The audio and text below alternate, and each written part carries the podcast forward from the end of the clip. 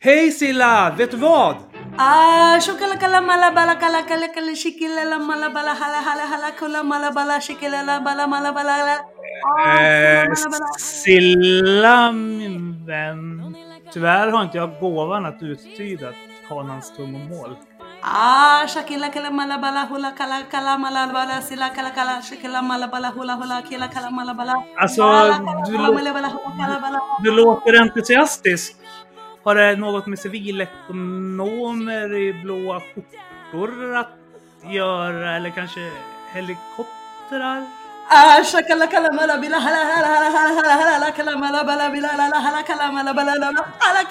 Okej, okej, okej, okej, okej, stilla. Jag hajar, jag hajar. Jag kommer ihåg, vi lovade att vi skulle börja varje avsnitt med att be för varandra. Så kör, vi kör. Och salighetens Herre Jesus, tack för att du finns med oss alla dagar, till tidens ände. Välsigna Kristna dejtingpodden, välsigna Pilla, finns med i både professionella, personliga, andliga, shigamalla,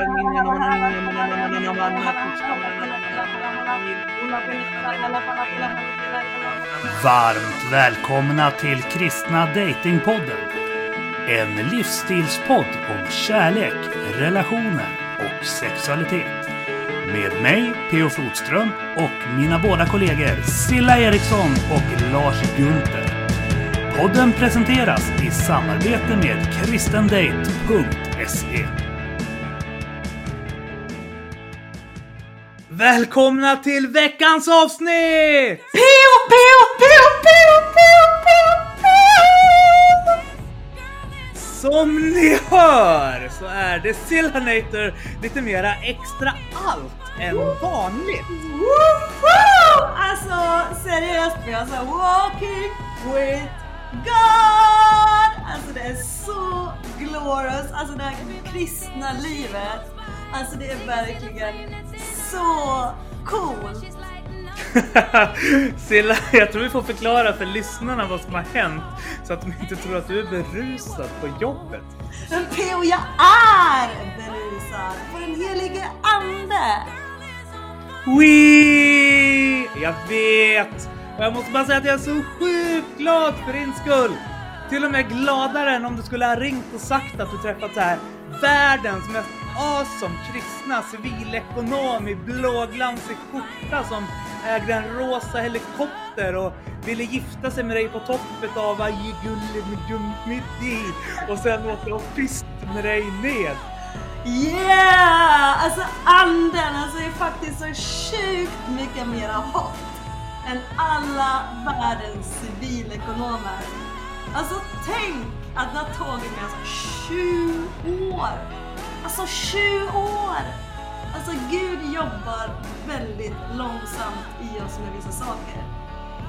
Och sen inser jag när jag tittar tillbaka på mitt kristna liv att det faktiskt ändå har gått väldigt fort för mig. Vissa saker i alla fall. Speciellt i början.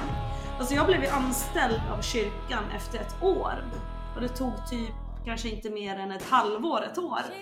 Innan jag började ge mig ut och predika, vittna, föreläsa och evangelisera. Och jag kommer ihåg att ja, men faktiskt det diskuterades ganska mycket om hur smart det egentligen var att sätta en, en, en ny kristen person på en sån plattform. Så kanske så fanns det någon tanke med att jag inte skulle få allting samtidigt. Men i alla fall, jag hade några av mina powerkvinnor hos mig i helgen. Och de bad för mig att jag skulle få tungotalet. Och så var typ så här, kom det typ. Alltså, har varit, alltså det har varit en helt galen helg. Alltså vi har slängt ut demoner, det har varit upprättelse, det har varit helanden och så massa coola saker. Amen! Och det här tungotalet, alltså betyder det på något sätt nu då att jag är närmare Gud? Eller hur ser du på det här? Well Silla, min sköna böna, sit back, relax, and let the PO Goes teologmupp happen. yeah! Teologmupperi! That's my favorite kind of mupperi! Haha, du ser, du är redan lite mera helgad. Nej men, nej, men skämt åsido. Eh, Pingströrelsen växte ju fram ur en baptistisk andedopsteologi. Men inom helgelserörelsen så dominerade vid den här tiden en cessationistisk tungotalssyn. Så beviset på andedopet antogs vara att personen levde ett väldigt helgat liv. Vilket vissa tolkade som total syndfrihet. Och det är ju helt galet. Medan andra såg det ungefär som du och jag ser på det Silla, att människor gjorde så gott de kunde att följa Jesus exempel. Men sen så hände Azusa Street och efter cirka 1600 år av tystnad kom pingstvännerna och upplevde tungotal, vilket ställde till kaos i huvudet på sekelskiftsteologerna. Så en ny form av andedopsteologi växte då fram, där man började prata om en trestegsraket. Där frälsningen kommer först, sen kommer helgelsen under en längre period och sist kommer andedopet, där tungotalet var ett tecken på det sista steget. Och det här är en hållning som till exempel Assemblies of God håller fast vid idag, som är pingströrelsens internationella organisation. Men alltså, innebär det här då typ att Gunther, Robban, Simon och alla andra härliga svenska missionsförbundare som vi känner, att de inte är andedöpta? Mycket bra poäng Silla och jag är superglad över att du lyfte den. Vi svenska pingstvänner ser ju inte det här riktigt så. Bland annat Daniel Alm medger att missionsförbundare har heligande och kan tala i tungor. Bara det att de väljer att inte göra det. Nej, det är inte så han säger. Men han menar att de har liksom den inneboende kraften i sig, men av kulturella skäl så manifesteras det inte lika ofta inom Equmeniakyrkan. Eh, och jag håller helt med Daniel här min mormor, morfar, mamma, eh, den delen av mina mostrar och morbröder som är missionsförbundare och inte pingstvänner, talar aldrig i tungor. Eh, och de levde hela sina liv som överlåtna kristna. Hmm, jag förstår. Men du, Daniel Alm, alltså han borde vi bjuda in hit till podden. Alltså han har faktiskt bjudit in mig två gånger till Pingst Västerås. Ja, just det. Ifall du eller jag vinner Svenska Pingstkostlotteriet kanske vi kan få det som vinst av Daniel eller Tiglet. Men du var ju huvudtalare på Unite i Västerås förra nyår. Hur glorious som helst. Ja, precis. Alltså det var faktiskt riktigt glorious. Alltså det är faktiskt någonting som jag kan sakna så här och vara ute och predika faktiskt. Ja men Silla, du är ju en fantastisk predikant. Alltså så här, ifall du är peppig och extra allt och bara så här amazing i vanliga fall. När du liksom står och förkunnar Guds ord så är du liksom så här wow! Ja. Har du några predikningar på gång framöver? Alltså så här, jag skulle vilja höra dig predika igen. Det var sjukt länge sedan. Ja, nej men alltså det är faktiskt något jag på riktigt skulle vilja liksom ägna tid åt igen faktiskt. Fast nu är det ju så himla svårt när det är Corona. Uh, så det är liksom därför jag börjar skriva artiklar istället. Får jag inte prata och predika och föreläsa så kan jag ju alltid skriva. Även om jag är betydligt vassare på att prata än att skriva. Ja, jo. Alla eh, har vi våra olika talanger så. Men apropå ditt skrivande. Jag tycker att du blir bättre och bättre för varje artikel du skriver. Och idag så kommer det ut en... Du gör din debut på inget mindre än Lilldagen. Nej, nu var vi elaka. Sändaren såklart. Eh, och den här gången så skriver du om utseende och kläder. Ja, alltså det var ju faktiskt efter mitt inlägg som jag gjorde på sociala medier med Sanna Marin. Alltså det är faktiskt på riktigt helt galet vilken genomslagskraft det inlägget hade. Alltså det är över 600 000 visningar nu på LinkedIn, över 8 000 likes. Helt sjukt hur det har spridit sig. Alltså. Ja, men alltså Silla, jag säger ju det. Du borde solidarisera dig själv med vänsterkvinnor lite oftare. Hot stuff liksom. ha. Nej men alltså jag, jag, tycker faktiskt det är viktigt. För mig är det alltid viktigt att ställa mig bakom och supporta människorna de behöver stöd. Oavsett om det är en prostituerad tjej på gatan eller om det faktiskt, som i det här fallet, är Finlands statsminister som det pratas illa om. Eh, men alltså, vad är det egentligen som gör att vi bryr oss så mycket om kvinnors utseende och klädsel? Fortfarande idag, 2020. Well, alltså av någon anledning så har just kvinnors sexualitet kopplat till hennes kläder och utseende ansetts vara mycket mer legitimt och angeläget att diskutera inom många samhällsområden framförallt i relation till hur vi förhåller oss till mäns utseenden och kläder. Det är ofta därför som till exempel så här, kvinnors underkläder hålls upp och visas upp under våldtäktsrättegångar fortfarande. Vad jag vet så händer det aldrig när en man är offret. Alltså det är faktiskt på riktigt Pio. Alltså det är så sjukt att det är så. Och sen en del av kritiken som har kommit så bygger ju också på att vi inte ska väcka lust hos varandra. Men vilket ansvar har vi för att inte väcka attraktion hos varandra? Alltså jag menar att vi alla har ett ansvar för våra reaktioner. Alltså har man problem med att se en lättklädd kvinna, ja men då tycker jag att ja, men då ska man undvika de sammanhangen. Alltså gå inte till stranden, köp inte ett kvinnligt modemagasin, alltså om du inte fixar det. Alltså vi kan ju inte liksom låta minoriteten ta majoriteten som gisslan, som Olof Edsinger skulle ha sagt. Alltså ingen kan hindra en rosa helikopter från att flyga över ditt huvud. Men däremot så har du kontrollen över att bevilja dig landningstillstånd, eller hur? Ja, alltså både jag och Martin Luther håller ju med dig där. Eh, och jag tror att vi begår en större synd om vi bidrar till en församlingskultur som är snäv och har lågt i tak. Jag tror att vi istället behöver ta ett ännu större gemensamt ansvar för att visa på att det som kristen går att både se ut och vara på så många olika sätt. Och det här är något som jag och Olof Brandt på Bibeln idag försöker visa på i vår kampanj här för att stanna, då vi tror att det här kommer vara en avgörande fråga för vår överlevnad framöver. Ja, alltså jag tror ju verkligen att vi liksom behöver acceptera och bejaka den mångfald som Gud har skapat oss till. Och acceptera liksom också att the opposite attracts. Alltså vi kristna är liksom inte massproducerade att se likadana ut och klä oss likadant. Alltså vi måste våga vara vårt original, alltså så som Gud faktiskt har skapat just dig. Ja du Silla, en del av oss kanske är lite mer originella och extra allt än andra.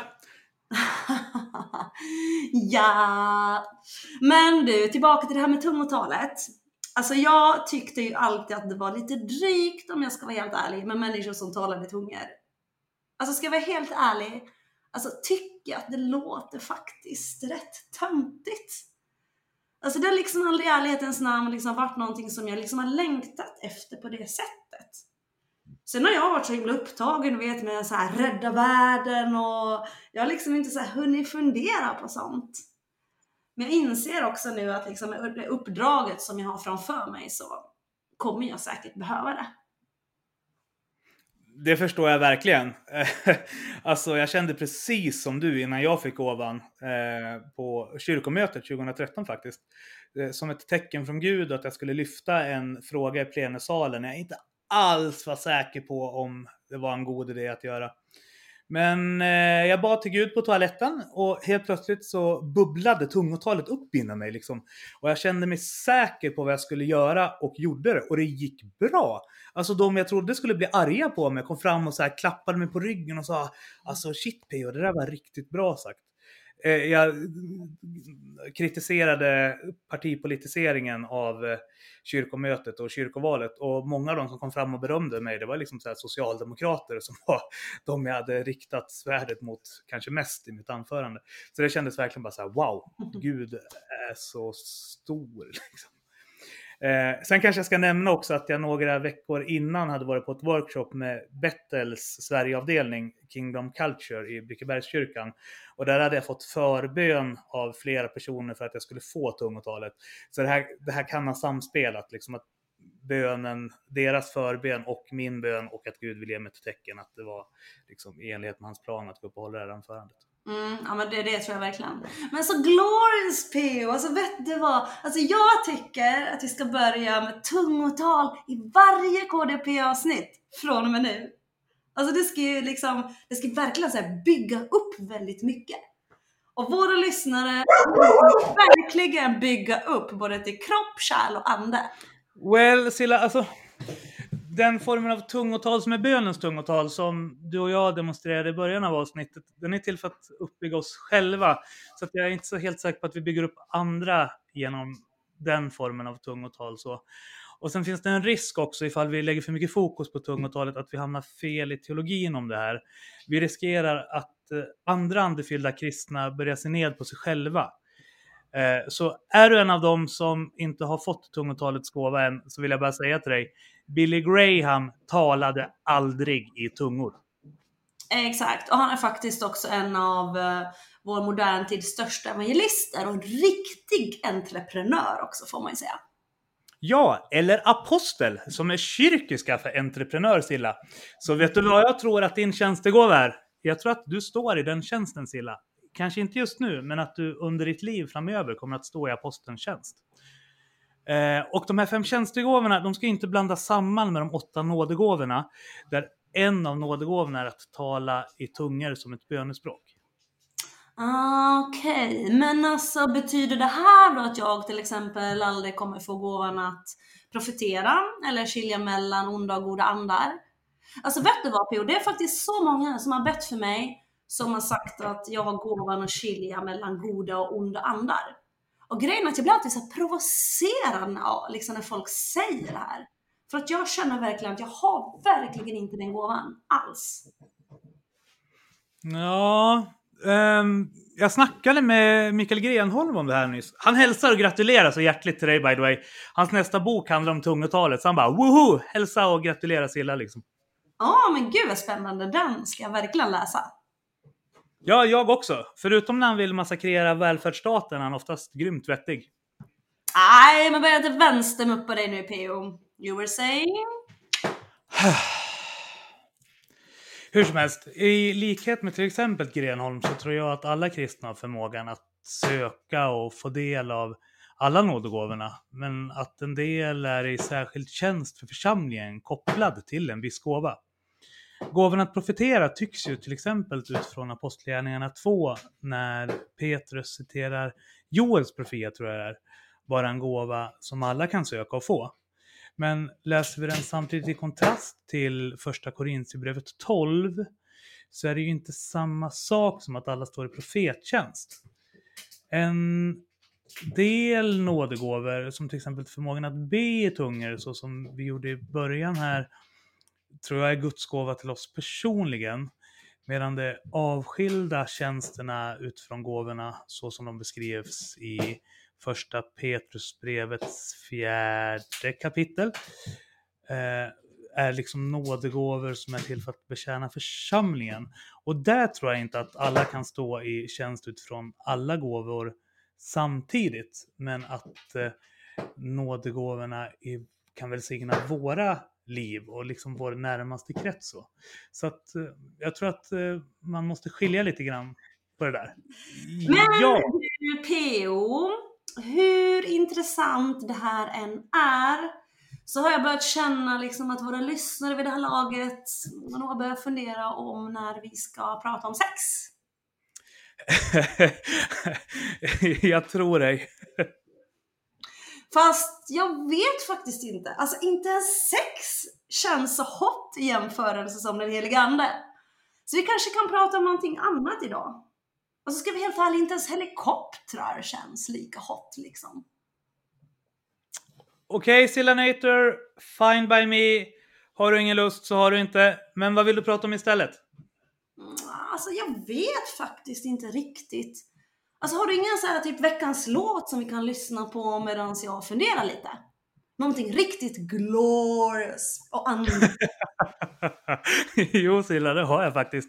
En kär vän till mig, världens bästa Marie Merlet, har skickat in sin debutsingel Spring snabbare. Eh, hon jobbar förresten som lärare på Liljeholmens folkhögskola där hon undervisar i bland annat historia och samhälle. Så om du som lyssnar på Kristna Datingpodden idag läser på deras bibellinje och gillar hennes låt så får ni gärna för min och Sillas räkning bara gå fram till Marie och bara kärleksroasta henne totalt.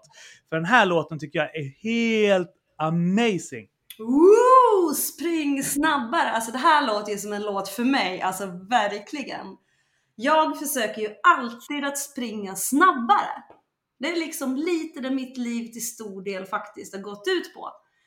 Springa snabbare, längre och högre. Så länge saker kan bli bättre, snabbare och mer glorious så är ju saker faktiskt inte tillräckligt bra. Förstår du vad jag menar? Ja, risken är överhängande att du kommer bli lite besviken nu Silla. För att den här låten är inte riktigt som du tror. Men ja, låt oss lyssna på Spring snabbare med Marie Merlet.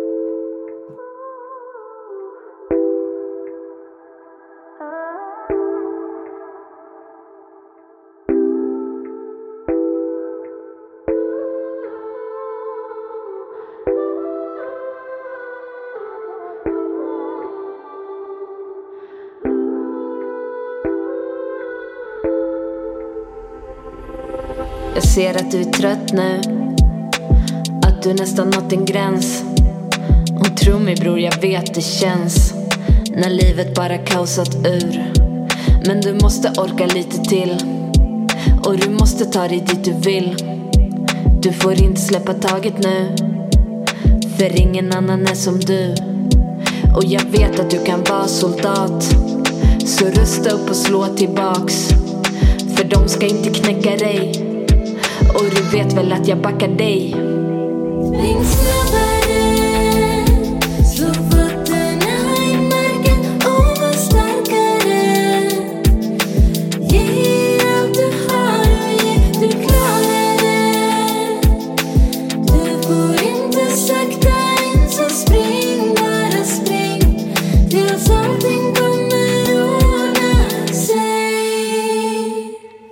Har aldrig sett dig här förut. Så galet nära att ta slut. Du har knappt något bränsle kvar. Har nästan gett allt du har. Men glöm inte att du är soldat. Så rusta upp och slå tillbaks. För de ska inte knäcka dig. Och du vet väl att jag backar dig för när väggen krymper, taket rasar, hjärtat fryser och du hatar bara orka lite till och du tar dig dit du vill. Jag har alltid trott på dig så ta en chans och tro på mig, tro på att det löser sig. Spring snabbare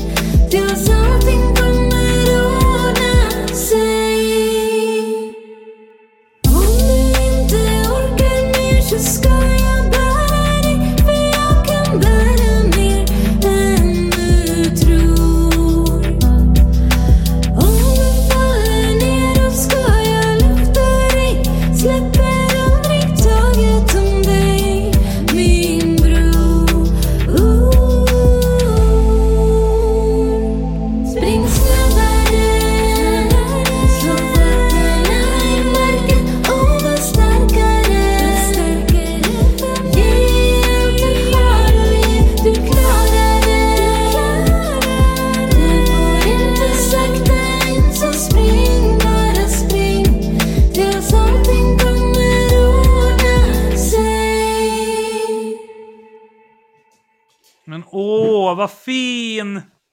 Men alltså, vad var det där egentligen? Alltså jag känner mig mest lite deppig nu och vill liksom bara rulla in mig i en filt och kura upp mig i soffan snarare än att ge mig ut och springa. Mm, jo. Fast alltså, sången handlar inte så mycket om att vara ute och springa runt Djurgården, Silla. Den handlar om att våga vara sårbara inför varandra och våga visa sig svag och låta sig bäras av varandra. Ja, just därför så blir jag deprimerad.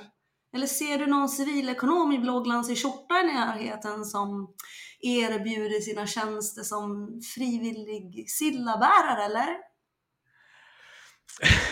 Jag tror i och för sig att eh, det vi lyssnade på var en vänskapslåt snarare än att du ska hålla på och läsa in en massa romantiska övertoner i den. Men sure, point taken. Marie bad oss förresten om att i något kommande avsnitt ta upp ämnet kring när i en relation det är okej att börja visa upp sina egna sår för varandra och sådär. En fråga jag också funderar lite grann över just nu om jag ska vara ärlig. What would Jesus do? Eh, ja, du. Jag vet inte riktigt, men varje någon gång frågar vart vill Jesus du så brukar jag påminna dem om att välta bord och härja runt värre än vad du gör när du blir extra extra allt är liksom inom rimlighetens gräns. Okej. Ja, men Moses då? Mos, alltså slå på en sten med sin stav och sen dela ett hav. Alltså är det här verkligen relevanta frågor? Ah, men okej, kanske bättre att vi frågar Mohammed. Alltså jag läste någonstans att han hade sjukt många kvinnor. Alltså han hade typ 11 fruar eller någonting. Alltså en riktig kvinnokar. Alltså Silla, så där säger du bara nu för att du börjar bli uttråkad och vill att vi ska åka och hälsa på min kompis Fredrik Brucey som bor i Solna så att du kan ståka Hanif Bali samtidigt. Wow, what if I'm... Hmm. Kör, let's go. Jag börjar tro att du ändå behöver rastas nu.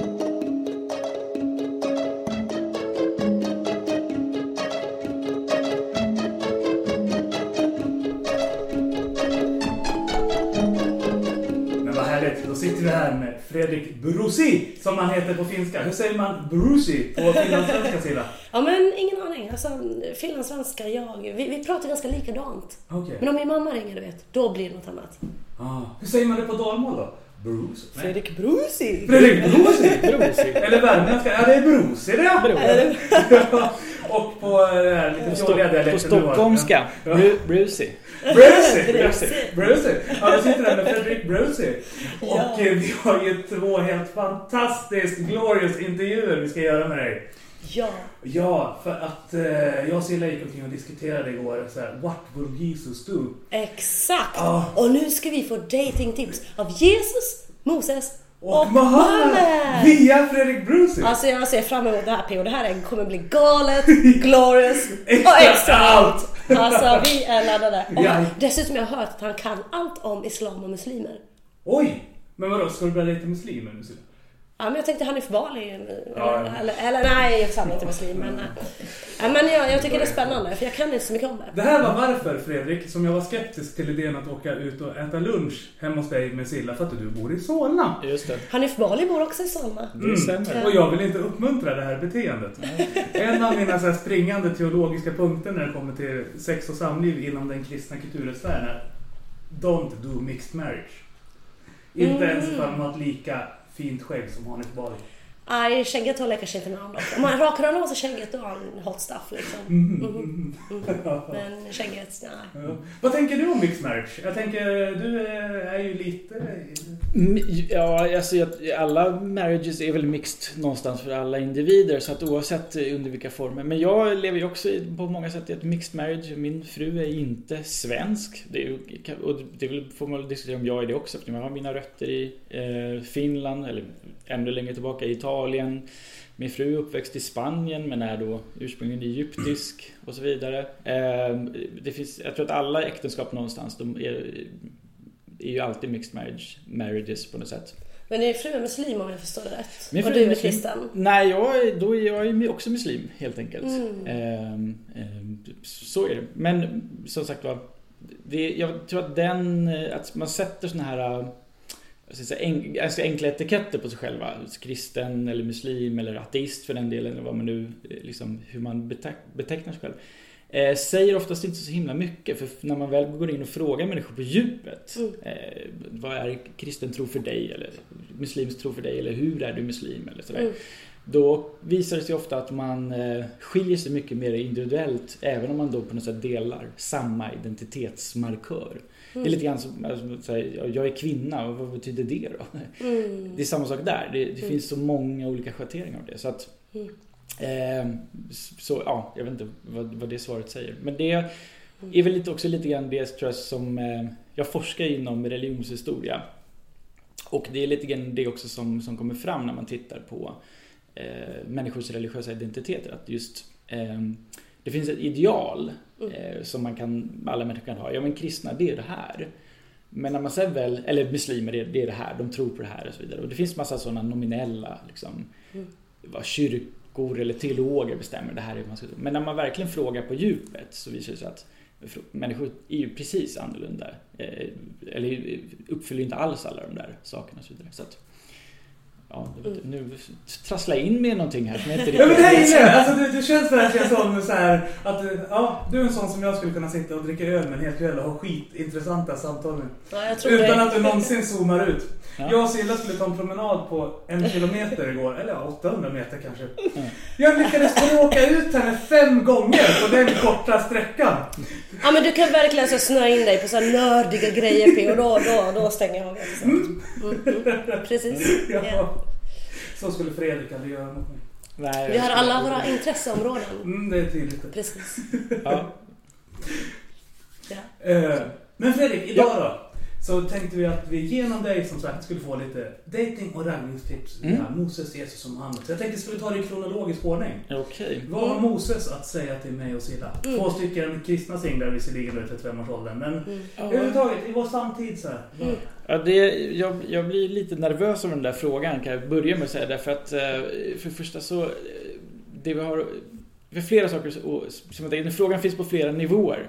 Eh, först så har vi en, ur ett, någon typ av bekännande perspektiv och då talar vi om tre olika traditioner, alltså den judiska, den kristna och den islamska traditionen. Alla har ju, så att säga, Moses är en stor figur i alla de här tre traditionerna. Inte minst inom den judiska då såklart som är grundläggande. Och eh, det vore lite förmätet av mig att, att eh, gå in och, och tolka åt människor och berätta för dem vad, vad Moses skulle säga och så vidare. Eh, där tror jag säkert att ni inom, inom den, eh, liksom den frikyrkliga eller evangelikala eh, rörelsen, vi har ett sätt att se på Moses och vad han betydde och så vidare. Muslimer kanske inte alls håller med om det eller håller med om det och så vidare.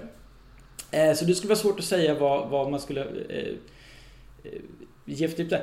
Mitt tips skulle vara egentligen att man, att man eh, kanske ringer en rabbin och frågar. Eh, men det som, är, det som jag kan tycka är intressant i frågan, eller det som jag kan någonting om i den där frågan, det som jag har tittat på är lite grann man får nog kanske backa lite ännu mer. Abraham, ska vi få dejtingtips? Ja, lite, lite så faktiskt. Eh, därför att det, vi har ju ändå ett sätt att prata om de här tre traditionerna. Eh, som de abrahamitiska traditionerna. Och det är ett ganska nytt sätt får man börja. För man, det, alltså det kommer på 1800-talet. 1820 någon gång tror jag. Första gången man ens diskuterar de här tre religionerna. Som om det vore en enhetlig tanketradition. Just spårad tillbaka till Abraham. Och... Eh, Åh, jag tappade, tappade min eh, train of thought här. Eh, eh, jo, det som är intressant med den här, med den här, den här abrahamitiska traditionen. Det är för övrigt en väldigt kristet sätt att se på de här också. Det är en väldigt fin tanke att de här är liksom, det är Abrahams barn det här. Det är, så att det är ingenting jag, tycker det är en sympatisk tanke, men den är ganska ny. Idén om att det skulle vara tre eh, en, eh, på något sätt eh, gemensamma traditioner. Men det de har gemensamt är ju den här eh, idén om eh, kan, den, den, den här nya guden som dyker upp plötsligt i mänsklighetens historia. Eh, Självklart inte ur ett trosperspektiv, där har han ju alltid funnits, han har skapat allt och så vidare. Men som historisk figur så är den här Ja- Javé-guden helt enkelt ganska ny och dyker upp. Och idén om att, och när han dyker upp också då så som det förklaras av, av, av till exempel i Moseböckerna eller lite tidigare då under Abraham. Så dyker han också upp med egentligen två ganska specifika eh, intressanta aspekter av honom. Om man läser bara de här texterna som historiska texter och inte nu ur ett teologiskt perspektiv. Man bara tittar på dem som helt plötsligt börjar man berätta en ny berättelse i mänskligheten. Och det man kan då, som jag tycker är intressant, är att man ser det finns två saker som den här guden framförallt verkar sky mer än någonting annat. Och det ena är idolatri, det vill säga att man dyrkar då andra gudar än just den här guden. Och det andra är eh, väldigt strikta sexualregler. Nu är inte det här, det här är inte unikt det här med sexualregler. Det kan man, det kan man hitta ganska, eh, ganska vanligt förekommande, åtminstone i patriarkala samhällen i mänsklighetens historia. Att man har ganska strikta regler för vem man får ligga med och när man får ligga. Och, och framförallt hur man får ligga. För det har ju de här traditionerna också väldigt, åtminstone den judiska och den muslimska traditionen. Det eh, pratade vi med Olof Edsing Precis, det Du får gärna lyssna på det sen. och Ja, men det ska jag gärna göra. Eh, Men att man har väldigt, väldigt strikta idéer om hur man får ligga också. Mhm. Eh, och, inte, och när och sådär. Och med vem såklart. Så det är inte så jätteunikt för de här abrahamitiska traditionerna. Men just att det finns ganska starka... Det kommer en brandbil här Ja, på Östermalm. säger jag Ja men jag säger det. Det här, du har ju liksom överhippat Östermalm. Det är inte så lugnt och fint. Man skulle kunna säga att Alltså det är... grejen är den att Östermalms brandstation är precis typ bakom huset här så att... Aha. Kan du se deras eh, liksom... Där brandmännen byter om från ditt fönster? Ja, nästan.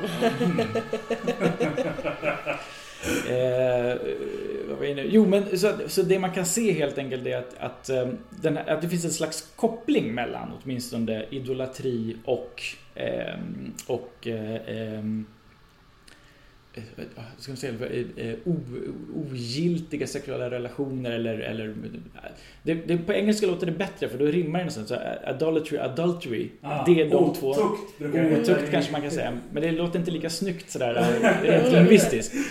Eh, Men det finns någon slags koppling åtminstone i språklig, om man tittar i bibeltexten till exempel, så finns det en slags språk, framförallt i gamla testamentet, Mm. det finns en slags språklig närhet mellan de här två sakerna. De jämförs med varandra. Mm. Man pratar om den här, um, den här guden som, som, som kommer upp där i, alltså det gamla testamentets gud helt enkelt, har en, en, en, en framförallt kännetecknas kanske av en slags ehm, svartsjuka. Eh, Det finns bibelpassager där, nu har jag inte, nu får jag ta upp dem om jag ska citera dem helt och hållet så, men vi kan ta det sen. Men, men eh, där man liksom, där, där alltså då eh, Israel, alltså folket och Israel jämför sig liksom med, med en brudgum eller med en brud och Gud är den här älskaren. Mm. Och, och därför blir det också när Israel, alltså stammen, Israels folk avviker från det här oavsett om vi, om vi pratar om, om incidenten med guldkalven eller senare tillfällen. Eh, Men de har, de har ett, väldigt svårt förhållande till varandra kan man säga i Mm. bibeltexten. Eh, Så är det hela tiden i, i ett slags sexuellt språkbruk. Mm. Eh, Jerusalem som beskrivs som en sköka till exempel när, de liksom, när, när balkulten tar över och så vidare. Så att det finns en, det finns en sexuell laddning i bibelspråket eh, som jag tycker är intressant. Och, eh, men om jag sen ska koppla det till vad Moses skulle ha för datingtips eller vad, sådär, ehm, jag vet inte, kanske, möjligtvis eh, någon håll dig till en kanske. Ja. Möjligtvis i, i den Det är samma bemärkelsen. tips du skulle ge Silla. Du och Moses liksom verkar... Ja, men jag tror, jag tror inte att de flesta någonstans står för det, att man ska hålla sig till en. Ja.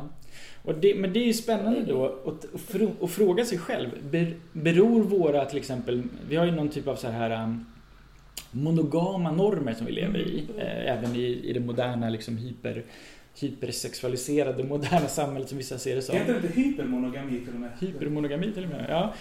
Eh, men frågan är liksom... ehm, Ja, det är spännande att fråga sig själv. Alltså hur, hur mycket av det här kommer ifrån att vi har det här abrahamitiska bakgrunden? Och det, det är en intressant fråga som jag tror den är omöjlig att besvara.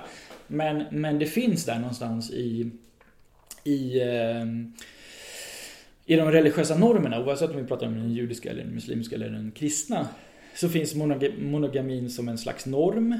Ehm, eh, men, den, men den är också ehm, vad ska man säga, den är lite tvetydig också för den är inte så, den är inte så jättetydlig egentligen. I den kristna kyrkliga traditionen så Mm. kanske den blir väldigt, väldigt tydlig. Men skulle man gå och titta i själva i bibeltexter eller för den delen i korantexter så är inte monogamin jättetydlig. Liksom, Mm. Vi har de här stora patriarkerna som Salomon till exempel som hade, jag vet inte hur många Hundra, hundra, hundra fruar. Är det minst. hundra? Ja, alltså, 600 inom konkubiner islam kan sånt. man väl ha hur många fruar som helst? Nej, det kan man Fyra? absolut Är inte. det så? Ja, fyra. Fyra alltså i, man i, I den rituella lagen, den religiösa lagen, alltså det som motsvarar det judiska. Men bara så jag får lite ordning på det här. Så Ja. en man som är muslim Ja. kan ha fyra fruar. Eh, nj, nj, alltså, här, igen, jag är jätteledsen att jag aldrig kan säga ja eller nej på sådana här frågor. Men ja är svaret på den. Därför att i all, det är inte så att, eh, eller så här, i den religiösa riten eller religiösa lagen som kallas för sharia, då är det tillåtet för män att ha upp till fyra fruar. Men då tänker jag, muslimska men det är att- kvinnor då? men det är inte Kan så jag att också, om jag skulle vara muslim, kan jag Ja, jag också ha fyra män då? Nej, inte enligt den religiösa lagen. Eh, men, men sen ska Mycket ojämställt. Alla, de flesta muslimska länder eh, lever ju inte längre under det här, har inte sharia som ett lagsystem. Eh, och därför så är det inte alls så att, att man kan anta att alla muslimska män kan ha fyra fruar. Det finns många muslimska länder eller muslimer som lever i länder där man inte alls kan ha fyra fruar. Exempelvis muslimer i Sverige kan bara ha en fru för att vi Mm. har en lagstiftning som säger att man bara kan ha en fru. Så att, så att eh, så, så, så här, ja, det är därför jag säger ja på den där frågan. Eh, Men, men historiskt sett enligt sharia så har man kunnat haft då upp till fyra fruar. Mm. Ehm, Ja, Men inte upp till fyra män däremot. okej. Jag. Taskigt. Ja, och det kan man säga. Det, kan man säga, det finns inga, det finns, finns inga eh, patriarkala samhällen där, fru, där fruar, alltså där kvinnor till, tillåts ha flera män. Däremot så finns det ganska många intressanta matriarkala samhällen, men som inte, och de finns i princip alla, jag tror inte det finns något exempel på någon som har funnits i ett abrahamitiskt sammanhang, men det finns bortåt Asien till exempel. Matriarkala samhällen, och där har man ibland, eh, och, och där kan det vara så att man har fortfarande bara, en, en kvinna har bara en man, Mhm. Eh, Men hon tillåts ha eh, andra... Andra, Älskare. Ja, inte bara älskare utan andra män omkring som gör andra uppgifter åt henne. Mhm. Så att säga.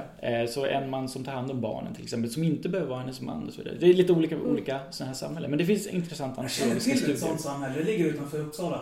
Nu, nu, nu, nu har det fallit. Men det skrivs väldigt mycket böcker om det samhället just nu. Vad tänker du på nu, P.O.? Ja, men jag tänkte på vår vän Peter Enbeck. Han håller på att skriva väldigt mycket om Knutbysekten Ah, som var ett, ett patriarkat visserligen, men en Mm. matriark i toppen som hade både en massa män och kvinnor runt Mm. sig som gjorde en massa olika sysslor. Mm. Eh, och där allting ramades in med väldigt mycket så här religiös fernischa för Mm. att motivera Åsa Mm. Waldus. Liksom. Just det. Men, men för det är också intressant tänker jag också därför att våran syn på monogami till exempel, alltså om vi delar någon typ av västerländsk så här kulturkristen syn vi tre kanske på, alltså hur vi uppfattar situationen, Mm. inte vad vi tycker är rätt och fel, men vad vi uppfattar vara monogamt. Så tror jag också att vi väldigt mycket lägger det i att det ska vara sexuellt monogamt. Alltså det är där någonstans vi lägger liksom gränsen. Jag tror inte att jag vet inte, men jag tror inte att det skulle vara, det kanske skulle uh, anses underligt men inte moraliskt fel i eh, säg en kyrka eller i, för den delen i en muslimsk församling eller, eller kanske i, en judisk församling att eh, man var gift med en person, man hade ett monogamt förhållande, men att man levde tillsammans i ett kollektiv där man skötte, där man delade på andra sysslor. Mm. Så länge man var liksom sexuellt monogama eller sexuellt eh, hade, det var liksom ett, ett, ett exklusivt sexuellt förhållande mellan två personer. Eh, då tror jag inte man skulle se att det var något problem med att någon annan hade, att man hade fel fru. Inte moraliskt liksom. Mm. Så jag tror att vi lägger också väldigt mycket moral i det sexuella. Ja. Eh, inte i samlevnadsformen i sig. Mm. Liksom. Och jag tror att det också är därför det stöter sig i religiösa traditioner Just när vi pratar om alternativa familjebildningar därför att man ser det också som att det nödvändigtvis måste vara sexuella familjebildningar och jag är inte övertygad om att alla människor eh, att det är det alla människor är ute efter när de vill ha alternativ till hur de vill vara gifta eller icke gifta och så vidare. Min bästa kompis har ju bott i min källare i tre års tid och tagit hand om hundarna. Så Just det. Ja. Sen eh, innebar det problem för äktenskapet så det är väl kanske inget som rekommenderas som en Ja. normgivande. Men, nej, men, och jag, men som sagt, så, och jag tror att det, där tror jag till exempel att, att just religiösa, mm, eh, religiösa, g- religiösa över, ideologiska överbyggnader som det kallas så fint. Mm. Alltså när man har en, ett samhälle som är format av en krist, stark kristen tradition eller en stark muslimsk tradition och så vidare. Så kommer det påverka såklart eh, familjebildningen i sig, både strukturellt i hur man, vad, vad är ett äktenskap och hur blir ett äktenskap giltigt. Det är spännande till exempel att vi har det som form i, ett, i en sekulär stat egentligen eftersom äktenskapet i sig väldigt mycket är en, ett arv ifrån en religiös tro. Vi, vi, eller vi ska inte säga, men, men eh, religionen har fått oss att tänka att man får inte någonstans leva tillsammans, åtminstone inte sexuellt, om man inte är gifta. Eh, och då blir det intressant när då sen, sedan 2000 vi är ett formellt sekulärt samhälle, men ändå så har vi kvar äktenskapen som form, Mhm. samlevnad och så. Och varför det? Va? Och varför skiljer vi fortfarande juridiskt på sambo och, och eh, äkta makar till exempel, eller gifta Och personer? det utmanas ju just nu inom eh, liksom den minimalistiska kristendomen som finns inom delar av Svenska kyrkan. Eh, Där man har börjat prata om polygami som ett rimligt alternativ på grund av att man då ser hur familjebildningarna sett ut på Gamla Testamentets tid. Där jag menar att det exegetiska sammanbrottet sker här då är dels att säga, ja fast det är väldigt mycket som beskrivs i Gamla Testamentet som dels Gamla Testamentet i sin storyline tydligt visar på att det här är trubbel. Mm. Morskele, morskele, morskele, morskele. Det här är inte någonting som Börjar liksom... prata i arabiska. liksom. ja, ja, men alltså det är för att jag inte kan hebreiska. Eh, Det här är ingenting som så här, Gud rekommenderar. Det enda det är, den beskrivs av hur folk levde och vilka konsekvenser som kunde bli av att de levde så. Och sen kommer Jesus och är väldigt tydlig med att så här, alltså, gör inte det där, det är inte bra för er. Mm. Så, att, så därför tycker jag att det är jättemärkligt. Men det är något så här, vi, I nästa avsnitt kommer vi prata om hur politik och religion samspelar för att skapa förväntningar på eh, dating, äktenskap, sex i sin samtid. Så att det här blir bara en liten reklaminslag för Ja. det. Eh, Men man har ju kopplat så här någon form av kvinnlig frigörelse till polygami i våran samtid. Och därför är det här på väg tillbaka. För att det man ser framför sig då, det, men det är så här en matriark som Silla som har då tre till fyra, en civilekonom, en teknolog, en brandman och sen kanske eh, en ordningsvakt från Stureplan liksom som... Mm. Kanske det som satsar på. Ja, Så det blir svensk kyckling. eller, ja kanske det. Ja, kanske. Inte helt fel. Jag kanske beskrev det, där Det, lite det låter för- lite grann som att du, alltså, du har lite så här, äh, lite, tar lite avstånd från svenskkyrkligheten, är det så? PO? Delar av den finner jag problematisk Ja. ur liksom, eh, teologisk, ur exegetisk Just det. Det är samma sak, det finns väldigt många delar av trosrörelsen som eh, jag också... Vad, vad, kan- vad menar du trosrörelsen är? Eh, alltså, mm, det där blir lite problematiskt för att internationellt så är ju Livets Ord och trosrörelsen delar av pingströrelsen. Ja, Så att egentligen delar av pingströrelsen som jag har exegetiska problem. ja okej. Mm. Yes. Men vi kan ta den. Ja, nej, förlåt. Du, du har ju lovat att bjuda hem mig och Silla på lunch. Absolut, jag är skyldig, jag är skyldig en lunch. Så att, minst en. Ja. Så att då kan vi ta de där lite mer teologiska samtal. Men Jesus då? Vad har han för datingtips som du säger? Vad har Jesus för Man borde ha datingtips? de bästa, mest glorious Ja. datingtipsen. Ja, men bara man här- ser liksom berättelsen om hans liv så blir man ju lite så här amorös i knät. Ja. Min fråga är egentligen, frågan är ju egentligen, jag tänker att man ska spegla den tillbaks till er. Eh, alltså, dejtade Jesus någonsin? Eh, Det tror jag inte. och då är frågan, va- varför skulle han ens vara en auktoritet på dating i sådana fall? Eh, Jag tänker att eh, eftersom vi tror på treenigheten Ja. så är Jesus fullt ut människa och fullt ut Gud. Just det. Och därför har han ju skapat oss, konstruerat oss Ja, och älskar oss lika fullt ut som du gör med dina barn och känner oss lika fullt ut som du känner dina barn. Och därför tror jag att han är den optimala guiden i alla större, i alla livsfrågor överhuvudtaget. Ja, det klart. Men Silla, vi bollar frågan till dig. Om vad Jesus skulle ge för datingtips? Ja. Oj. Jag tror att det är ganska mycket så generella grejer. Liksom, att vi ska älska varandra, att vi ska ta väl hand om varandra, tala väl om varandra. Att vi ska ja, men definitivt hålla oss till en person. Alltså, han talar ju väldigt starkt för äktenskapet mellan man och kvinna, tycker jag. Mm. Ehm, och... Um, ja, Men jag- jag ja, tror- men, jag ja. vet inte. Förlåt att jag, jag avbröt dig. Ja, nej, nej, nej, varsågod. Nu kom jag på ett loophole här. Hur Mm. du kan få alla de där fyra funktionerna fast i en person. Marx sa att i kommunismen så ska du kunna vara civilekonom på förmiddagen, teknolog på lunch, eh, brandman på eftermiddagen och sen avrunda med att vara författare på kvällen. Så det kanske är kommunismen som är the way to go ändå Silla. Jag försöker inte sälja in mig till det här. Det. Bruce, vad säger du? Visst har du lite Alltså, jag- marxistisk grundanalys? Ja, absolut. Ehm, jag, jag tänker så här. Jag, eller jag, det som jag tycker är spännande med... Jag gillar ju idén om att det finns någon typ av protomarxism i apostlagärningarna. Den läser jag gärna in för att det såklart överensstämmer med mina förutfattade meningar om hur, hur en, en, ett gott samhälle ska organiseras. Jag ska bara säga till lyssnarna, det här är min hämnd mot Silla för att hon tog med mig till MK igår. Så Okej. vi kör den här marxistiska Ja. ministudion. Ehm, Ja, jag kanske ska ta och slänga soporna så länge. Eller diska kanske. Men, men befrielseteologi är ju... Den tror jag är, möjligt, den tror jag är väldigt stark. Den finns väldigt stark i alla de här tre, ska säga, de här tre texterna då. Mm. Vi pratar Nya Testamentet, Gamla Testamentet och Koranen. Det finns en stark sån, eh, ska vi kalla det protomarxistisk eller eh, kanske bara allmänt hyfsat sätt att bete sig mot andra. Mm. Det vill säga att dela med sig och så vidare. Eh, och det gör ju också att det blir ganska intressant när, tycker jag, när, när eh, religion, när religionerna då tolkas som att vara så att säga anti, antitet, anti, antithetical Mhm. till, till antitesiska. Ja. Antitesiska till, till till exempel då, ska säga, social rättvisa och så vidare. Utan Mm. man använder, alltså det som man kallar ibland för kristna högern. Det är ett ganska slarvigt begrepp Mm. sådär. Eller, eller för den delen starka så här, reaktionära, islamiska eller islamistiska krafter som också som liknar den kristna högern väldigt mycket i, i moralfrågor åtminstone. Mm. Att man är emot abort och såna här klass, klassiska reaktionära positioneringar. Mm.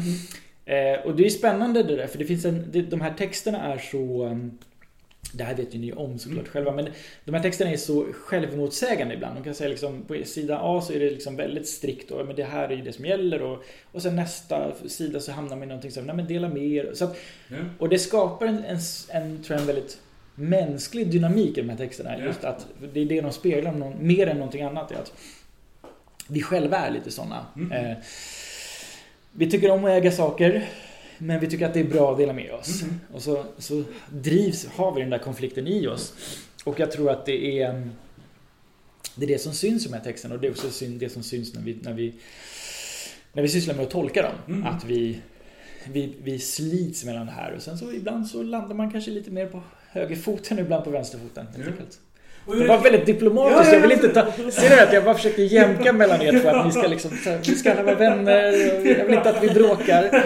Jag är extremt konflikträdd. Jaha, är det så? Nej, det är jag faktiskt Ja, inte. men, Det är P också. Ja, det är också. Men jag Jag säger inte konflikträdd. Jag älskar att skapa Ja, debatt. ja, men jag har aldrig känt en connection med Bruce Dixon. Så jag tycker det är skitkul att träffa dig för första gången. Så här. Och det känns som att vi redan är kompisar. Vi har ju liksom hållit på på Facebook i fem års tid. Oh ja. Men för att eh, försöka vara diplomatisk då, Ja. men ändå vara tydlig. Eh, utifrån ett kristet perspektiv. Eh, drygt 500 år efter Jesus eh, så satt en man i en grotta och filosoferade över sin samtids klassklyftor. Eh, vi tror ju då att han blev besökt av en demon som eh, gav honom ett eh, falskt evangelium. Ur ett muslimskt perspektiv så var det ängeln Gabriel som återupprättade det sanna, den sanna berättelsen om Guds handlande med människan genom historien. Mm. Eh, men det vi alla kan vara överens om, både kristna och eh, muslimer, är ju att Muhammed var en riktig kvinnokarl med tanke på hur många kvinnor det finns som figurerar i både hadith-litteraturen eh, och kanske även i Koranen. Så eh, av de här tre eh, patriarkerna inom den abrahamitiska traditionen så är det ju egentligen Mohammed som jag i så fall då borde spana lite extra på eftersom han har mest praktisk erfarenhet på det här området. Ja, men det, absolut då. I alla fall om man jämför med den, den eh, Jesus då som, som han framstår i, i... Det finns ju alternativa teorier om Jesus, att han faktiskt var gift och så vidare. Och så. Men, men Är vi kan... teorier eller är det hypoteser? Ja, det är hypoteser. Eh, Men vi kan lämna dem åt sidan. Utan vi- vi tar den här den, den mest allmänna Mm. eh, i, i, förståelsen av Jesus. Att han var ogift och, och sådär. Eh, jo, absolut. Eh, Mohammed var ju, var ju, hade ju flera fruar. Eh, han, hade också, han var en av de, han undantas ju också i, i eh, både i korantexten och, och i den muslimska berättelsen om honom. Från det här eh, eh, begränsningen till fyra fruar. Att han har, tror jag som mest vid något tillfälle, om det är nio fruar vid ett tillfälle. Så. Men det finns också då såklart förklaringar till varför. Det handlade väldigt mycket om liksom, alltså, se som att han, han Det handlade om att han skulle i, i, i, den muslimska förståelsen så handlar det också väldigt mycket om att han tog hand om de här tribala relationerna som Mm. fanns och, och också visade, sig, visade också genom sitt handlande vad som var tillåtet och korrekt så att säga för muslimerna. Som Salomo ungefär. Ja men precis, eller så som man för- förstår Salomo Ja. helt enkelt. Då. Eh, Så det handlar om att han, han liksom gifte sig med en koptisk kvinna för att visa på att det var tillåtet att gifta med, Mm. med kristna och så vidare. Ehm, Så att, eh, men han var väl inte heller någon som dejtade direkt, inte åtminstone i någon slags modern Modern förståelse av, av Han var ju framgångsteolog. Want, take, här. Ja, men kanske lite mer så. Att det, det, och, och det, också, men det är också det som man också ska förstå, eller förstå, det som är också viktigt att förstå var att han inte han tog inte kvinnor på det sättet. bemärkelsen att Just han gick ut och pekade och jag vill vara gift med de här. Utan Mm. att det var ju då i, i berättelserna, eller hadith-berättelserna eller sira-berättelserna, de här historiska berättelserna kring honom. eh, Så var det ju kvinnorna som kom till honom framförallt och ville gifta sig. Sen fanns det vissa arrangerade äktenskap också. Det här är ju som, som sagt då, som sa 500 år efter Kristus. Det är den tideräkningen. Vi säger inte det, vi som religionshistoriker tycker att det är lite väl eh, kristocentriskt att säga eh, före och efter Kristus. Utan vi säger oftast före vår tidräkning. Vilket är också lika problematiskt för då vår tidräkning. Liksom. Men den allmänna europeiska tidräkningen. Som. Men i alla fall, ja. Eh, eh, så absolut, så, så, och han till skillnad då kanske mot eller den muslimska traditionen ska jag säga, till, precis som den rabbinska traditionen, den judiska rabbinska traditionen är lite mer konkret i hur man eh, kommer med liksom, äktenskapsråd och, och även sexuella råd. Mm. Till skillnad mot den kristna. Den kristna traditionen med liksom, eh, lite ursäkta för det här är ju, nu går jag in på ert territorium och säger till er vad ni tror, eller vad ni, vad ni har för tradition. Men, men om man säger, om man skulle göra någon typ av eh, jämförelse kan man säga att eh, det nya testamentet har väldigt lite utsagor från Jesus där han pratar specifikt om konkreta eh, händelser i, vardag, i det gifta vardagslivet. Mm. Det finns lite, det finns lite av de här eh, liknelser och sånt han använder ibland tror jag i, i bergspredikan och sånt. Kanske någonting som kan användas för att eh, prata om även relationer, alltså man kan tolka in då Mm. relationer mellan kvinna och man eller, eller för den delen man-man och, och, och så vidare. Om man nu, eh, beroende på vilken typ av teologisk eh, riktning man har.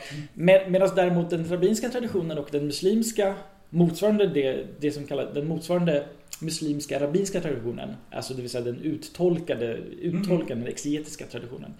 Eh, så har man väldigt konkreta, därför att de här religionsstiftare, eller åtminstone Mohammed som religionsstiftare var väldigt konkret. Och det finns mycket, väldigt mycket eh, återberättelser, samtida återberättelser där eh, han så att säga lägger, lägger ut texten för församlingen som kommer till honom och frågar, till, alltså det är en, fråga om impotens till exempel. Som, alltså väldigt, väldigt, väldigt öppet. De sitter församlade, ett exempel då. Mohammed sitter med sin församling och så kommer en kvinna som säger och, och man har ju precis som den judiska traditionen en, eh, man har vissa kriterier för skilsmässa, alltså äktenskap och skilsmässa. Måste liksom, det är, det, är inte någon, det är inte bara det här man gifter sig inför Gud som kanske är den mer kristna synen, liksom, att Gud viger här. Det är, det är ett sakrament för de flesta kristna. Att någonting som är evigt och det kan man liksom inte upphäva sen. Ehm, Men, men i den judiska traditionen, lite svårare men det går att upphäva, det går att genomföra en skilsmässa i den judiska traditionen. I den muslimska traditionen är kanske den lättaste av de tre att, att, att skaffa sig en skilsmässa. Men det finns vissa kriterier för det. Och ett av kriterierna som en kvinna kan anföra för att få en skilsmässa är till exempel mannens impotens. Mm, mm. Därför att man då ur de här källtexterna har, har ehm, tolkat sexuell tillfredsställelse som ett kriterie för att äktenskapet ska vara giltigt, alltså kvinnans sexuella tillfredsställelse. Någonting som väldigt många då muslimer idag till exempel eh, gärna liksom lägger fram som ett tecken på att man är väldigt progressiv, eller man var väldigt progressiva och så vidare då för 1400 år sedan ungefär så att, att man ser sexuell tillfredsställelse som en, liksom en, en, en, en rättighet, en sexuell rättighet för kvinnan. Så.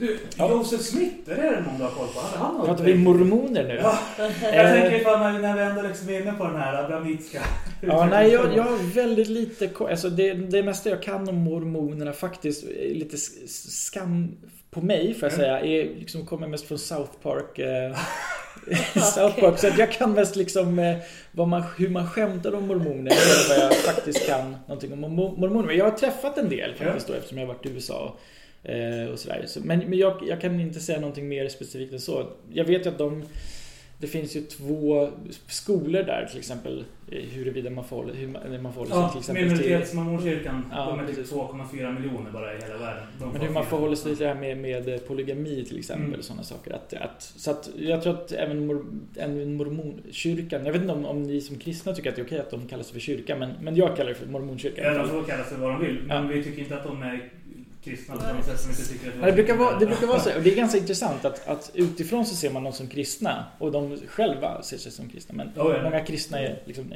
precis som det brukar vara med Jehovas vittnen. Att, Men det är samma sak som Ahmadisha. Alltså så här, de anser att de är muslimer, men det är väldigt ytterst två muslimer. ja, de är Ahmadiyya. Ja. Ja, ja absolut. Eh, Fast, och, och samma sak där, de är också delade i då två, eh, två grupper. Ja. Det finns en majoritet och en minoritetsgrupp. Och, eh, Men, men du, jag tänkte, eh, sista tio minuterna här. Nu Mm. vill vi ju höra liksom, den riktiga auktoriteten på det här området.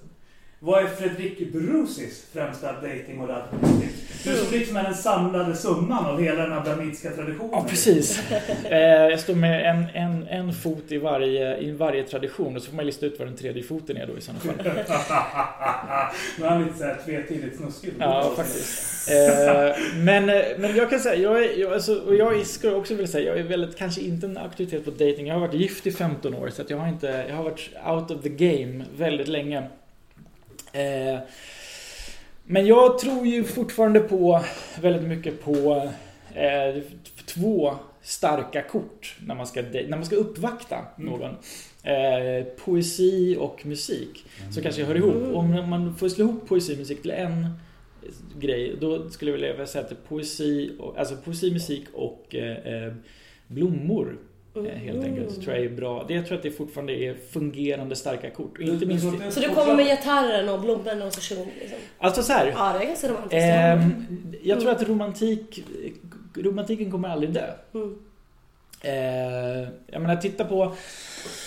Jag vet inte, jag vet inte vad, vad ni har för favoritdelar i Bibeln, jag vet inte hur ni läser, men om man tittar på till exempel Höga Visan, eh, som är min Åh, kanske, jag och Silla ska skriva en parafras av den. Eventuellt tillsammans med Nej, Joel Halldorf. Med Joel Halldorf. Mm. Oklart ifall han vet om den, men... Han vet ju om det, men han har inte tackat ja. Nej, nej, han skickar mest eh, ekivoka smiles tillbaka på våra uppvaktningar angående det projektet. Men den är ju helt fantastisk. En kärlek starkare än döden. Vem vill inte bli uppvaktad? Alltså oavsett vad hur man ser på... Jag tror ju inte riktigt, ska jag säga, alltså, ur en ren... Um, ur en historisk synpunkt så tror inte jag riktigt på det här äh, det eviga äktenskapet i sig, alltså monogamin i sig. För vi är väldigt sällan monogama, utan snarare så är vi eh, vad kan man, vad kan man för seriemonogama? Alltså vi är monogama under ett tillfälle, men sen så byter vi partner. Liksom. Alltså så, åtminstone i den moderna världen idag. Så, så liksom vi lever med en pojkvän, flickvän eller man, maka och sen så skiljer vi oss kanske efter ett år, efter tio år, efter 15 år. Och Så du tror inte på livslång kärlek, hör jag? Eh, alltså, jag kan ju bara utgå från mina egna erfarenheter. Just nu, det är klart, jag lever med min fru och jag älskar henne på, på, på alla möjliga sätt. Men det är ju inte mitt första förhållande. Det skulle jag ljuga om jag sa att jag, liksom, jag har aldrig varit med en kvinna förutom när jag gifte mig med henne. Jag var 30 när jag gifte mig med, med min fru. Ehm, men jag har ju haft förhållanden innan dess. Och, men jag har alltid varit liksom, så att säga, monogam i varje förhållande. Men jag har ju inte varit under en livslängd monogam. Och då, liksom, så att, så att jag, jag tror inte riktigt på det där med livspartner. Det, det tror jag, jag tror inte att det är nödvändigt i alla fall, så ska jag säga. Ja, för du tänker att annars blir konsekvensen att din första pojkflickvän som du oftast träffar Ja. när du är 14 år och går i åttan på högstadiet är den du sen gifter och lever resten av ditt liv. Precis. Det är det som är definitionen av livslång kärlek. Mm, ja men exakt. Så Ja, det, ja, jag tror inte riktigt att det är så. Utan jag tror att vi, vi går in och ut ur kärlek. Jag tror också att kärleken... Alltså, nu vill jag komma, nu får jag komma tillbaka till arabiskan som jag tycker är ett väldigt fantastiskt språk. Som alla semitiska språk är otroligt rika. Arabiskan har kanske en, eh, skulle tippa på, i runda slängar kanske en 14 ord för kärlek. Mm. Eh, och alla de här orden för kärlek har lite olika ehm, De har lite olika eh, ehm, kvaliteter. Olika verb för kärlek, så att, för att älska. Så att, så att ehm, och där är det ganska, då kan man säga, det finns en typ av kärlek som är liksom den här starka, brinnande kärleken liksom, som, som på arabiska kallas för eshq. Eshq. Ja. Och det är den här Det är den här kärleken starkare än döden. Den här Det finns Leila, Leila och Majnun finns det en berättelse Typ Pyramis och Tispe eh, Mm. i mer västerländsk religion. Han älskar den här Leila så mycket så han, han, han, hon bor innanför en mur och han står vid muren och kysser muren och så kommer någon person och frågar honom varför kysser du muren för? Är du galen liksom? Men det är inte muren jag älskar. Det är hon som är där innanför. Alltså den typen av Ah. Sturm und Drang kärlek. Ja. Ehm, det, det är så att säga, det är, men det finns också an, andra former av kärlek som är lite mera... I Koranen har jag också en intressant passage där det står så att, att, att Gud skapar då kärlek mellan man och kvinna. Eller mellan makarna. Eh, och sen så småningom så ersätts den av en kärlek, en annan sorts kärlek. Ja. Muwad, alltså hubb är första, det som ordet habibi kommer ifrån. Hubb, Ah, Habibi! Det tycker jag är ett av mina favoritord på Ja. arabiska. Och först är det hubb mellan, mellan paret. Ja. Men sen så kommer Gud, så här, Korantexten ungefär Ja. på svenska. Sen kommer Gud att ersätta hubb med muwadda. Mawadda är en annan typ av kärlek som är mer liknar barmhärtighet eller någonting sånt. Och det är kanske lite grann det som händer i ett lång, långt äktenskap. Det, det är liksom... Ja, det där passionerade liksom... Det svalnar lite grann. Men då föds någonting annat istället. Så att jag tror inte att det är kört liksom. Men jag tror inte heller att man är nödvändigtvis då... Man gifter sig inte nödvändigtvis med den man är kär i när man är 13. Och man är inte kär i samma person. Man attraheras inte av samma person när man är 13 som när man är 33 och så vidare. Du? Det var ett virrigt svar. Nej men det är alltså så här, som sagt, jag gillar ju, jag pratar ju precis som dig och är lika omständig och liksom, jag tycker om att gå i flera varv och cirklar kring varje svar. Och du blir först irriterad, sen så slutar du lyssna och tänker på någonting du tycker är roligt. Ja, men jag tror vi har lite olika syn på det här. Så tänker jag, jag är liksom så här, jag tror ju på äktenskapet. Min liksom plan är verkligen så här, att träffa någon, gifta mig och sen lever vi tillsammans tills döden skiljer oss åt. Alltså jag tror på det. Ja det gör jag också, jag har inte sagt annat. Ja, nej, nej, nej men jag Men, vill bara lägga det. och det kan man ju göra. Men, men skulle du känna dig som ditt liv misslyckat om du inte kunde uppleva, om du inte fick eh, eh, så att säga le- leva det till slutet? Det vill säga om du gifte dig, träffade någon, men sen kanske skilde dig liksom. Skulle det, Ja, jag skulle uppleva det som ett misslyckande. Ja, det skulle jag. Fast om du, om du inte har, om du, ja, om du inte har upplevt det, hur, vet du att det skulle vara ett misslyckande? Nej men alltså min plan är ju så, den dagen jag står där vid altaret och säger ja amen till att jag ska leva med den här personen resten av mitt liv. Om jag, om det här äktenskapet då skulle sluta i skilsmässa, jag skulle uppleva det som ett otroligt stort nederlag. Och, Absolut. och om vi ska vara empiriska då. ehm, För jag har gjort allt det där som Silla eh, drömmer om och det har kraschat. Och för min del så var det mitt livs, är mitt livs största misslyckande. Ja. Så att, ja. Fast jag har en annat sätt att se på det där. Ja. Eh, och det här kanske vet jag inte vad det var. Men jag tänker så här att inget bra äktenskap slutar i skilsmässa. Nej. Mm. Så skilsmässan är ett, faktiskt ett sätt att, att skapa en situationen bättre för två individer. Mm, mm. För ett dåligt äktenskap, vem vill, vill liksom... Alltså, vi vi kan ta den, den värsta situationen liksom. Det finns en, en, en eller båda är liksom eh, eh, abusive, eh, Mm. du det, liksom, mot varandra. Det kan vara psykiskt liksom, inte Mm. vara just fysiskt. Och då, vad ska man då vara gifta för? Vad ska man vara tvingad liksom in i en sån situation? Om den, så att, det är Jag tror att, att Gud kan gå in och återupprätta och göra allting helt igen ifall båda parterna är öppna för det så. Och att båda parterna är öppna för att be tillsammans både för förbundet och för varandra. Men sen så, så här, det, det blir inte alltid så som man har tänkt sig. perspektivet, liksom, Ja. det är det jag menar. Ja. Så att inget bra äktenskap slutar i skilsmässa. Och därför behöver man inte heller sörja äktenskap. Så, så ser jag på det. Man behöver inte sörja skilsmässan för den, är ju, den, var, den var bra. Det var ju bra att man skildes åt. Sen är det alltid sorgligt så att, säga, att man förlorar en livskamrat eller sådär. Man, men jag tror att problemet är att man bygger upp eh, man bygger upp väldigt orealistiska drömmar. När man bygger ett äktenskap, vi lever i en postromantisk värld också. Alltså romantiken som ideal. Nu är vi på väg in på samtiden. Ja, och det ska vi prata om i nästa, Nästa avsnitt där när Fredrik Brucey kommer tillbaka och gästar oss igen. Ja.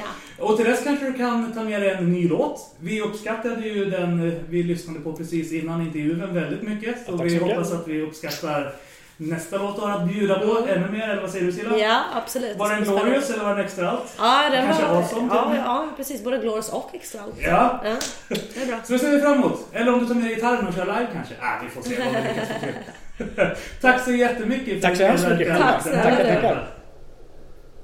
Silla, kom vi måste skynda oss om vi ska hinna med tunnelbanan tillbaka till Övre Östermalm innan det blir mörkt. Ja, alltså, alltså det där PO var lite för religionshistoriskt för mig om jag ska vara ärlig.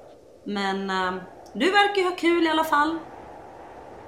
Ja, jo, jag tycker Fredrik är superintressant att prata med. Jag är Ja. verkligen avundsjuk på hans studenter på Stockholms universitet. Jo, jag märkte det. Alltså, han är supertrevlig, verkligen. Men min ADHD-hjärna, du vet, klarar inte riktigt av långa teolog-diskussioner. Alltså nej, nu vill jag gå och spana på Hanif Bali. Ja, men du Silla, vi glömde hans demo. Vi skulle ju spela den i det avsnittet där vi spelar upp den här intervjun sen. Och jag orkar inte gå tillbaka för att hämta den. Alltså nej, P.O. nu ska vi spana på Bali. Vi kan lyssna på demon i ett kommande avsnitt istället. Men Silla, det, det blir jättekonstigt eftersom vi pratar i slutet av intervjun med Fredrik om att vi har lyssnat på demon i det här avsnittet. Alltså du är konstig. Kom, nej P.O. nu går jag. Kommer du eller? Du vet ju att du inte hittar i Stockholm själv, så skyll dig själv om du går tillbaka ensam. Silla! Vänta på mig! Hjärtligt tack för att ni har lyssnat på Kristna Datingpodden. En livsstilspodd med Theo Flodström, Silla Eriksson och Lars Gunther. I samarbete med kristendate.se.